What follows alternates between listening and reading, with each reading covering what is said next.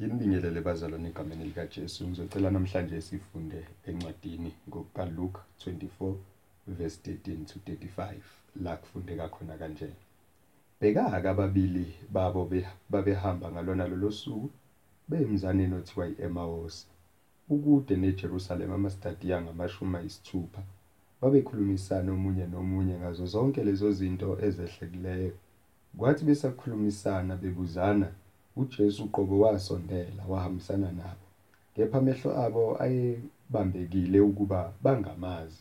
Wathi kubo zindaba zini lezi enikhuluma ngazo? Omunye nomunye nihamba na? Base bema benyukumele omunye uKleophasi igama lakhe waphendula wathi kuye wena uyisihambi eJerusalema. Ungoyedwa ongazazi izinto ezenzekileyo khona ngalezi zinsuku na? Wayesethi kubo izinto zini na bathi kuye ngoJesu waseNazaretha obengumprofeti onamandla ngesenzo nangezwi phambi kukaNkulunkulu nakubantu bonke ukuthi abapristi abakhulu nababusi bethu bamkhaphela ekunqunye- ukunqunyelwa ukufa baze bambethele esiphambanweni. Thina-ke besethemba ukuthi nguye oza kuhlenga u-Israyeli kodwa phezu kwalokho konke sekulusuku lwesithathu lezo zinto zenzekile. Futhi nabesifazane abathile bakithi basethusile ababeyile ethuneni ekuseni. Kuthe bengasifumani isidumbu sakhe bafika bathi babone umbono wezingelosi ezithi uyaphila. Nabathile babakithi baya ethuneni bakufumana kunjalo njengokuba beshila abesifazane kodwa yena uqobo abambonanga wayesethi kubo onina engaqondiyo nenilibele enhlizweni ukukholwa yikho konke akushilo abakushila abaprofethi uKristu ubengamelwe yini ukuhlupheka ngalokho aze angene enkazimulweni yakhe na? Wayesethathela kuMose nakubaprofethi bonke wabacasisela embhalweni okuqondene naye. Base besondela emzaneni ababeya kuwo yena washaya sengathi udlulela phambili bamncengisisa bathi hlala nathi ngokuba sekuza kuhlwa nemini siyadlula. Wangena wahlala nabo. Kwathi esahlezi nabo ekudleni wathabatha isinkwa wabonga wahlephula wabanika amehlo abo ayesevuleka bamazi. Wayesenyamalala kubo. Bathi omunye komunye inhliziyo yethu ibingavuthi yini phakathi kwethu? Lapho ekhuluma kithi endleleni nalapho esivulela imibhalo na? Base besuka ngasona leso sikhathi baphindela eJerusalema bafumana abayishumi nanye nababenabo behlangene ndawonye bethi impela inkosi ivukile ibonakele kuSimoni. Base belanda nabo kwenzekile endleleni nokuthi yaziwa kanjani yibo ekuhlephuleni isinkwa. Amen. Asithandaze. Baba wethu onamandla wonke yisewe inkosi yethu Jesu. Sikunikeza udumo siyakubonga. Nangalesi sikhathi ukuthi wenze kwakuhle. Ukuba sizwe izwi lakho. Khulumisana nezimpilo zethu ke namuhla siqondise usiyalo sifundise sakhe baba wethu ongcwele. Siyathandaza ke nangalesi sikhathi ukhulume Nkosi yami kube sengathi uyaqala egameni lika Jesu uqondise isimo sokwenza nesokucabanga kwethu kusukela manje kuze kube kuphakade. Amen. Bazalwane sifunde indaba ende kodwa le ndaba ende inomyalezo nje ocacile ukuthi abafundi bayahamba emveni kokubethelwa kukaJesu sukwini lokuqala lweviki okuyilona suku uJesu avuka ngalo. isiBhayibheli labafundi bobabili babehamba kuyisonto and kuleyo losuku kwekuyisonto mabehamba uJesu ekseni uvukile abesifazane bambonile eh mabefika ethuneni ukuthi akekho. Manje ke laba sebeyahamba babuyela emuva eMawos uma beya eMawos eh lithi iBhayibheli kwakukude ke eMawos eh uhambo mhlawumbe ngesikhathi samanje ebesingathi u11 kilometers. Ngoba thina sikhuluma ngama stadium manje eh leli likhuluma ngawo iBhayibheli. Malithi kwakuyama stadium mhlawumbe awu60 kodwa thina ngama kilometer masibala ama stadium lawo kusho ukuthi 11 kilometers. So bahamba lolo hambo kolude kangako babuyela eMawos sekuphela umkhosi wephasika. Ngalolo suku lokuqala uJesu avuke ngalo. Kodwa uma behamba endleleni eh bahamba bakhuluma ngeindaba ezisanda kwenzeka current affairs. Uma behamba bekhuluma ngale ndaba ezisanda kwenzeka eh kunomuntu ofikayo kubona akhulumisane nabo. And uthi ke uLuke la uJesu loyo ofikayo kubona. Kodwa bona lithi iBhayibheli noma bambona lo muntu okhuluma nabo noma babehamba naye lo muntu ababehamba naye kodwa bahlu abambonanga ukuthi uJesu. Ngamanye amazwi amehlo abo ayevulekile babeyibona indlela. Ngamanye amazwi babezibona izitobhi zendawo babebona imizi yaziwayo babembona umuntu ababehamba naye kodwa amehlo abo ayevimbekile ukuba bambona. Ngifuna namhlanje ukukhuluma eh ngokuthi uNkulunkulu engathi ngasisiza asivule amehlo kamoya ukuze sikwazi ukubona uJesu njenganenkosi nomsindisi weimpilo zethu.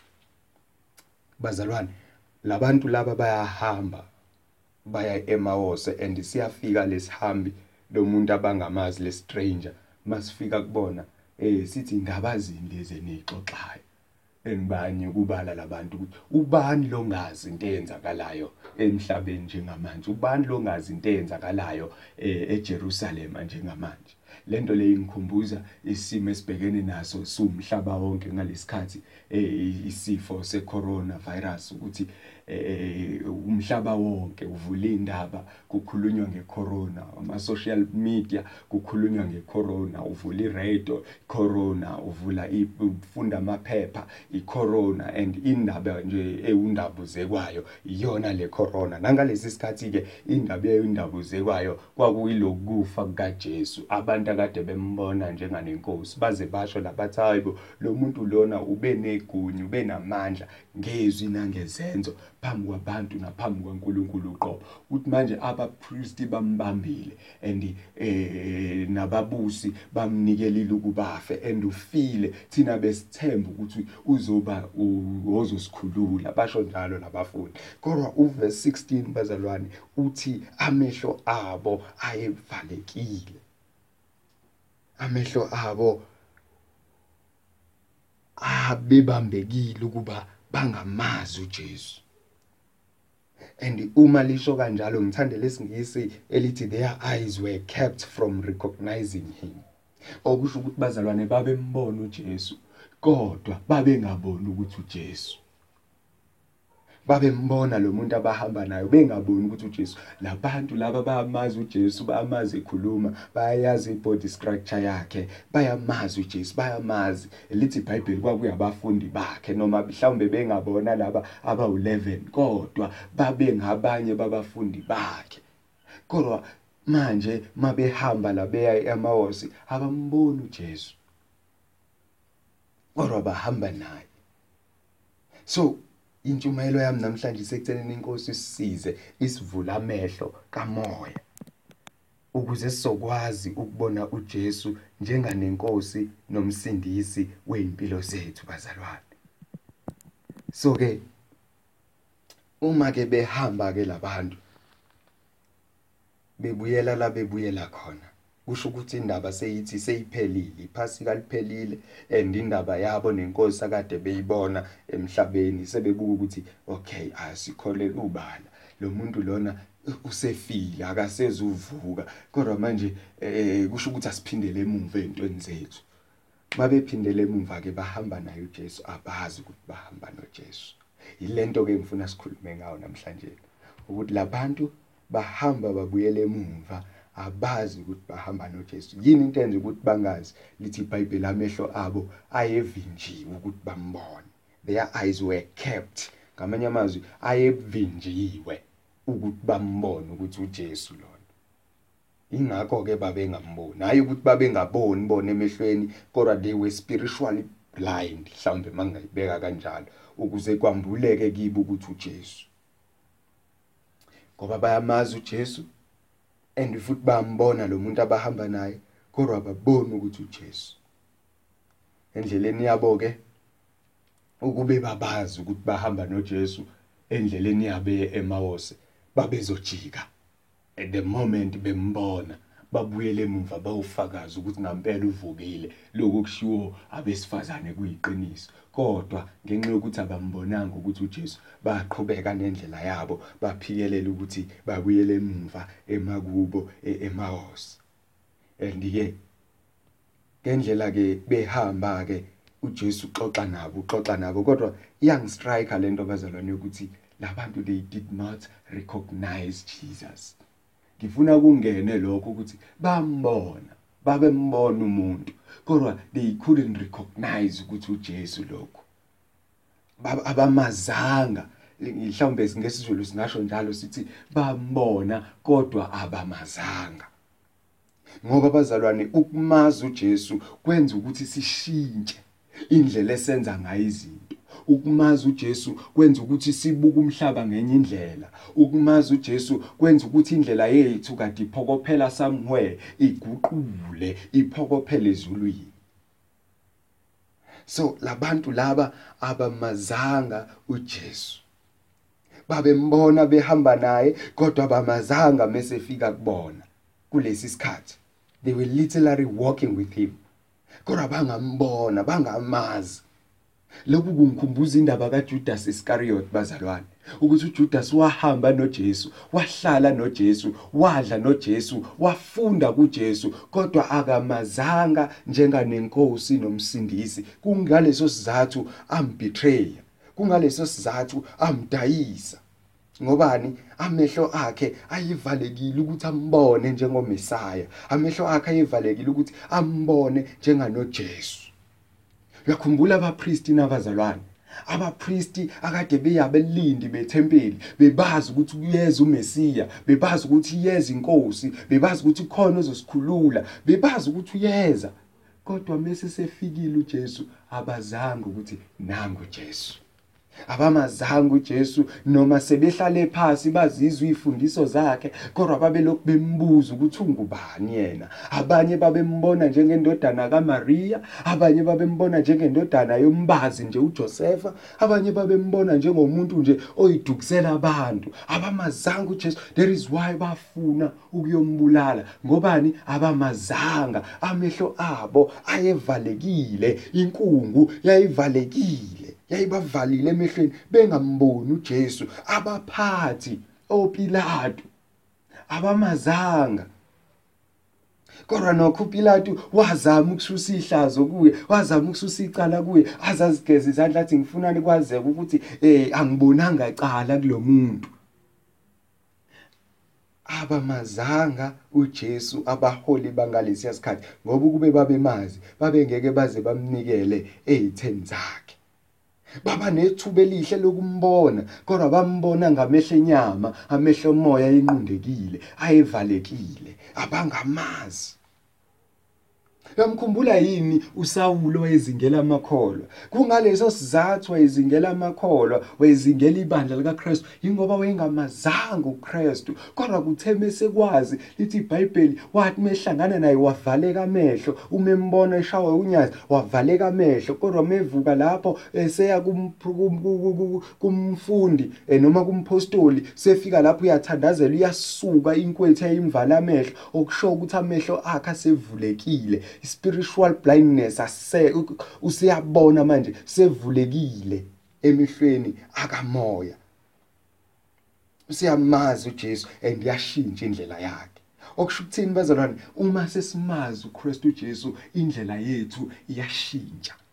Ingakho ngithi labafundi kube babazi ukuthi bahamba noJesu babengeke bafike eMaus. Babengeke baze bawuhambe lo 11 kilometers abawuhamba behamba bexoxa bembikela and labantu laba engithi mina babelazi izwi likaJesu babezazi izifundiso zaJesu bahluleka ukumuzwa noma uJesu esebathathela kwiTestament elidala esebafundisa ngeTestament elidala esebatshela ngoMose nangabaprofeti bahluleka ukumuzwa ngoba abamazanga amehlo abo bazalwana enjani ayevalekile. Namhlanje abantu abaningi amehlo abo avalekile abamazi uJesu. Abanye basemabandleni kodwa abamazi uJesu. Bayazi ukuthi ukhona uJesu oyinkosi nomsindisi kodwa ukuze ubone ukuthi abamazisisi kahle banezinto ezike emaceleni ezilekelela ukukholwa kwabo. Endleleni banezinto abayicoshayo abangafuni ukuziyeka ngoba phela mase sazi uJesu bazalwane sifanele ukuphila njengalokhu esiyala sifanele ukuphila ngemithetho yakhe sifanele ukuphila ngezwi lakhe sifanele ukuphila senze njengalokhu esiyala. Uzubona ukuthi abantu abamazi uJesu. Abantu bambona uJesu njenganomlungu ezweni lakithi. Uzubona ukuthi abantu abamazi uJesu abantu bambona uJesu njengomunye wabaprofeti kanti cha indodana kaNkuluNkulu le omunye eh wesibili kwiTrinity. ebuNkulunkulwini unguNkulunkulu uqobo uphilile phakathi kwethu ukuze azosakhela indlela yokuya kubaba uNkulunkulu. Labafundi bazalwane lithi iBhayibheli abamazanga ukuthi uyena labahamba naye. Bahamba naye ibanga elide. Ngoba kunabantu abahamba indlela yokukholwa ibanga elide kodwa abazi ukuthi bahamba nobani. Uzobona ngoba bevukelwe izimo endleleni bese bashiya ukukholwa. Uzobona ngoba benzekelwe izinto endleleni bese bashiya ukukholwa. Uzobona ngoba behlutshwa kwabantu bese bablame ukukholwa. Balahle umndeni yabo bablame ukukholwa bese basuka ekukholweni kwabo. Ngobani abazi ukuthi bahamba nobani. Ilokhu labafundi okwenzeka kubona. Into eyenza ukuthi basuke eJerusalem abazange ukuthi bahamba nobani. Abazange ukuthi bakhonza bani bakholwa ubani abamazanga uJesu. Noma babemazi siqu sakhe abamazanga ngokuphelele babemlindele ukuthi ungumesiya and bambona ukuthi ufanele ukuba umesiya ke bona. Yes they were privileged. Kunaba priest bambona ukuthi ufanele ukuba umesiya. Ingakho bedlana sasinethemba lokuthi uza kusikhulula embusweni wamaRoma noma ecindazelweni amaRoma kodwa babe nesithombe sabo abasidrowile ngomesiya. Uma engena ethuneni babona ukuthi indawo ivaliwe kuphelile kanti uJesu ushilo ukuthi ngiza siza kuvuka and there is why ke laba bebuyele emuva. So masingamazi uJesu noma amehlo ethu kamoya evalelekile sizobuyela emuva noma esasihambe indlela noma ibanga elingakanani lokukholwa kodwa mawukuthi amehlo ethu akamoya nqondekile avalekile asiboni sizobuyela emuva. Kusho ukuthi ukukholwa kwethu ngeke kuze kusisize ngalutho. Iminyaka yethu esesiyikholiwe ngeke izisize ngalutho. Kodwa sobuyele emuva ngobani amehlo avalekile. Uyakhumbula impumputhe eyacela ukubona yayingaboni enyameni kodwa yacela ukubona enyameni andiyanikezwa lokho okucelwa khona. Okusho ukuthi nathi sinelungelo ke lokuya kuNkulunkulu lokuya kubaba sithi inkosi sicela usivule amehlo ethu akamoya. Rabuni ukuba sibone. Khumbula phela abazalwane ukuthi uLuke mebhala ubhala ukuthi eh laba besifazane mabembona uJesu mabehlangana naye uJesu uma bephuma ethuneni uJesu uza kubona and lo wesifazane membona uthi rabbon nge I think nges Aramaic ukusho ukuthi thisha. Hmm? lo wesifazane wambona wamazi. Kodwa laba mefika babona istranger abambona uJesu. There is why mayefika kubona eh eh bathi wena uyisihambi la. Akumbuleleki ngobani amehlo abo avalekile. And amehlo ke mevalekile kusho ukuthi awuboni le ndlela oyihambayo yiphi le ndlela esiyihambayo indlela yokukholwa. Uma amehlo ethu kamoya ke evalekile asizukwazi ukuhamba sifike la sifika khona kule ndlela yokukholwa. Bazalwane ngishilo ngathi abanye babona uJesu njengomprofeti nje. Abanye babona uJesu njenganomuntu owaphila nje. Abanye babona uJesu eh njenga nengane kaMaria bamazi uJesu emhlabeni kodwa kwanele ukumazi kwabo. Ngoba kufanele ukuba bamazi njenganenkosi nomsindisi wempilo zabo. Sifanele ukumazi uJesu njenganenkosi nomsindisi wempilo zethu. Uma singakamazi uJesu njenganenkosi nomsindisi wempilo zethu sinelungelo lokuthi asimazi. Into ebaluleke ngokuthi simazi uJesu eh kuleli passage sifunda ukuthi uma sesazile so indaba end ukuthi bemfishane lithi iBhayibheli washaya sengathi uyadlula uJesu. Ehambisana nabo sebengena emzini kubo. Eh uthi uJesu ke yena ushaye ngathi uyadlula and sebeyambiza bathi hayihlala nathi. Eh baveza izimpawu eh zokuba ngabantwana bakaNkuluNkulu zokuba eh ngama elders ebandla ngoba phela ama qualities okuba yielder eh kumele ukwazi ukwelcome ihambi emzini wakho. Bayaliswelcome ke lesihambi bathi hayi uzoqhubeka nendlela yakho sekuhlwile manje wozongena nathi emzini uzohamba ngakusasa. And uJesu ke mengena ke lithi iBhayibheli wahlephula isinkwa wadla nabo and njoba kade edlula ke kuyena ke bamncenga ke bathi hayi uzohlala nathi. And le passage ke isifundisa ukuthi mase sehleli nabo wabahlephulela isinkwa and amehlo abo ayesevuleka.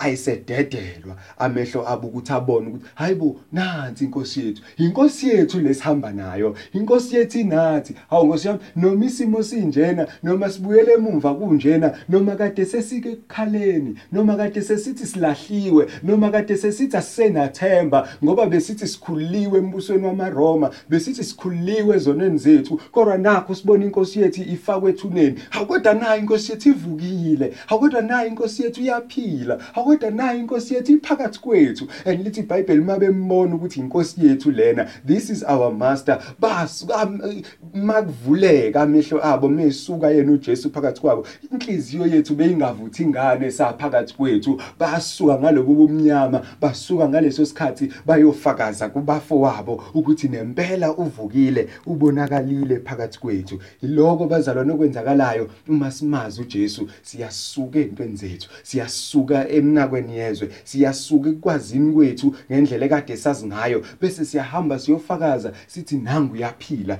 uyaphila kimi sengiyamethemba loyo wafa ngenxa yami. Ngobani? Walinqoba ithuna wavuka. Endaweni yabafileyo akahlalanga kodwa wavuka. Wavuka nokuphila kwami wavuka nami uqobo ukuze mina ngisindiswe. Bazalwane iloko esikufundayo la. Ukuthi uma amehlo ethu akamoya esevulekile siyokumbona uJesu njenganendodana kaNkuluNkulu siyokumbona uJesu njenganenkosi nomsindisi wethu. Ilokhu phela uPetro akusho kuMatthew chapter 16 eh uverse 15 uma uJesu ebuza ukuthi ngubani? Ubuqala uyabuza kuqala uthi abantu bathi ngubani? Bamphendula ukuthi abantu bathi ubani? Uthi ke nina ke nithi ngobani? Usethi kuPetro hayi wena unguKristu. Usethi kuJesu ubusisiweke wena ke Petro ngoba lokhu inyama negazi ayikwambulelanga kodwa ubaba osezulwini there is why kufanele sikhuleke ukuthi inkosi ivula amehlo ethu akamoya ukuze sizomazi uJesu njengalokhu enjalo ukuze sizomazi uJesu njengalokhu eyinkosi nomsindisi wempilo yethu. Uma simazi uJesu sakumpilela uma simazi uJesu siza kwenza njengalokhu esiyala. Bazalwane kubalekile lokhu. Balekile lento yokuthi simazi singagcini ngokumbona nje. Laba bambona kodwa bamazanga let us go to let us go and pray ukuthi uNkulunkulu akasisize simazi uJesu singagcini ngokumbona. Noma singagcini ngokuzwa ngaye kodwa simazi size sibe nobudlelwane naye obakhayo obuqinisileyo. Futhi bazalwane and lokhu ukumazi kwethu uJesu kuzosisiza ngani na?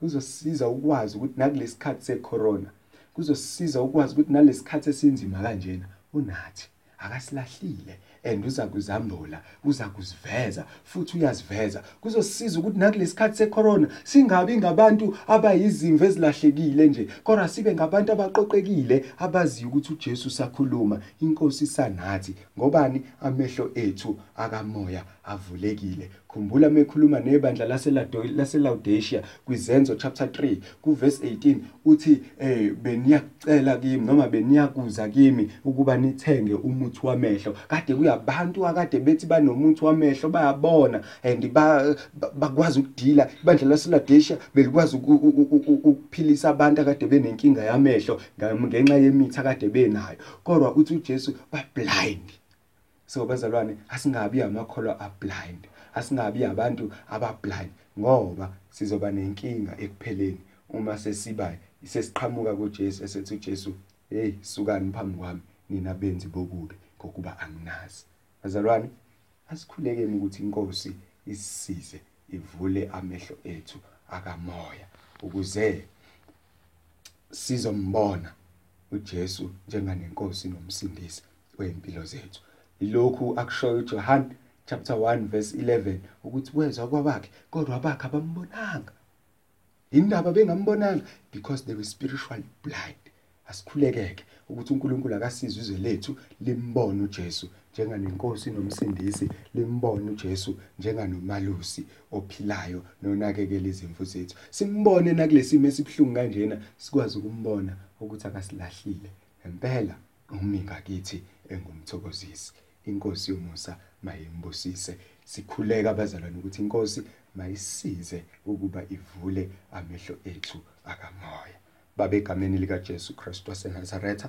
Siyakubonga baba wethu ongcwele ngemvuselelo yanamuhla ukuba Nkosi yami usivuselele kuba Nkosi yami usisize kuba sikwazi ukubuyela kuwe. Sinxusa ukuthi Nkosi yami ngomoya ongcwele vula our spiritual eyes ukuze uNkulunkulu wethu namandla sizokubona okuhle osenzela kona. Sizokubona njenganenkosi nomsindisi. Sizokubona ipresence yakho siwitness ngamandla akho emhlabeni wonke. Thatha udumo nangalesi sikhathi ubusisa ibandla lakho fundisa ukwenza Nkosi yami ligcina imiyalelo yakho. Kusukela manje kuze kuphakade. Musa wenkosi yethu uJesu uthando likaNkulunkulu Baba hlanganyelo kaMoya oNgcwele. Akube nathi sonke kusigcine kusilondoloza zabuye uJesu Kristu inkosi yethu. Amen.